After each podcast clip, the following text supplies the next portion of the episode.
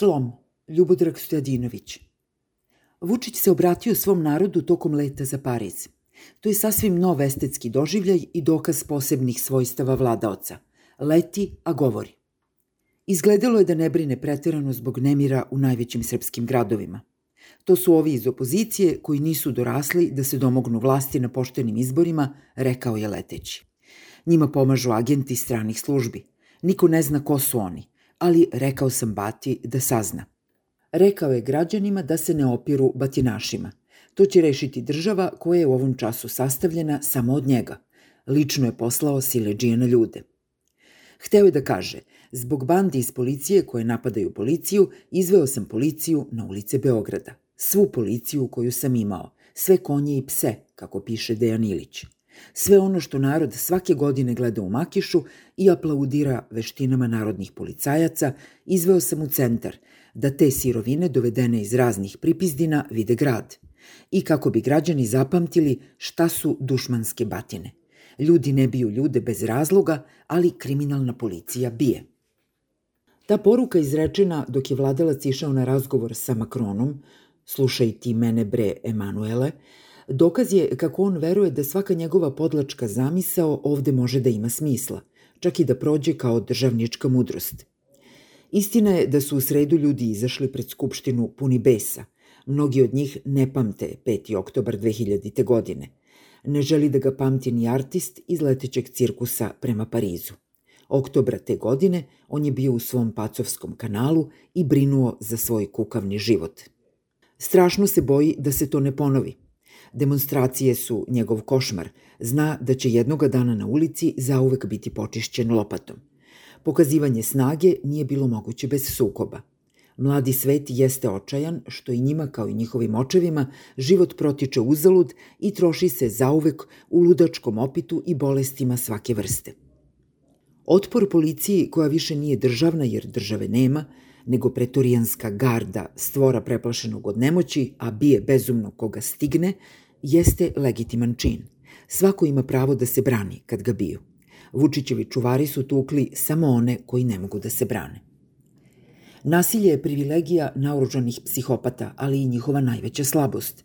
To je opasno uvođenje u posao kriminalnih pretorijanaca podstaknutih sadizmom njihovog šefa.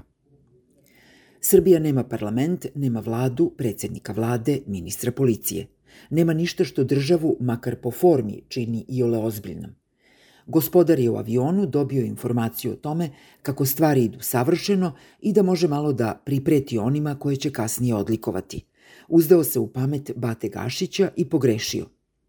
Ako je Vučić odlučio da pokaže gde mu je sva moć i na čemu zasniva pouzdanost lične vlasti, onda je sve bilo badava.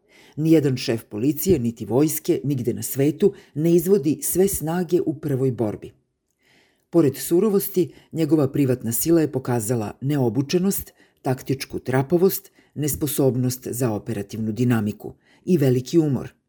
Još dva takva eksperimenta i ta paramilitarna formacija može da bude raspuštena. Sam svoj gazda je iz letilice pokazao ozarenost balavca koji se igra olovnim vojnicima i raspoređuje ih neznalački, tako teške, neme i poslušne. Pretvorio je te robote uz njihov pristanak u neprijatelje građana i oni su uživali u svojoj brutalnosti.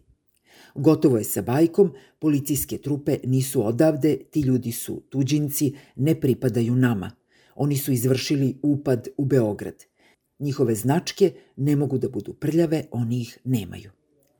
Napad policije i desnice na policiju je glupa ideja.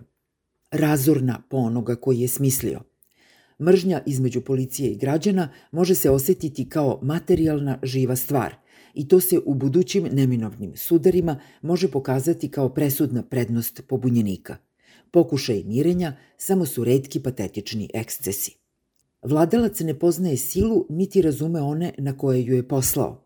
Zabluda je da mu ulični sukobi idu u prilog i da će tako zaustaviti pobunu. Napad na građane pokazuje njegov upišavajući strah, a lična garda će se pred ozbiljnijom grupacijom od 150.000 ljudi, na primer, rasturiti u Bašibozuk. Ne treba niko da ih bije, osim ako ne započnu prvi, a tada neće smeti. Konačno će pobacati štitove. Neko je već rekao da sve ovo pokazuje slom davno načete države koja je ostala usamljena pod voćstvom nedostojnog huligana, sa pajacima i klovnovima bez mandata koji pokušavaju da budu vlada. Pobesnili tiranin i graditelj ovdašnjeg pandemonijuma snagu Pendreka vidi kao svoju poslednju mogućnost. Otpor se naravno nastavlja i više ne može da prestane, niti da se pretvori u Gandijevsku sedeljku. Mora se ustati, hodati slobodno i stajati pravo. Ulica je jedini prostor za slobodne izbore. A gazda cirkusa može da leti još neko vreme. Jednom, kada se bude vraćao, neće imati gde da sleti.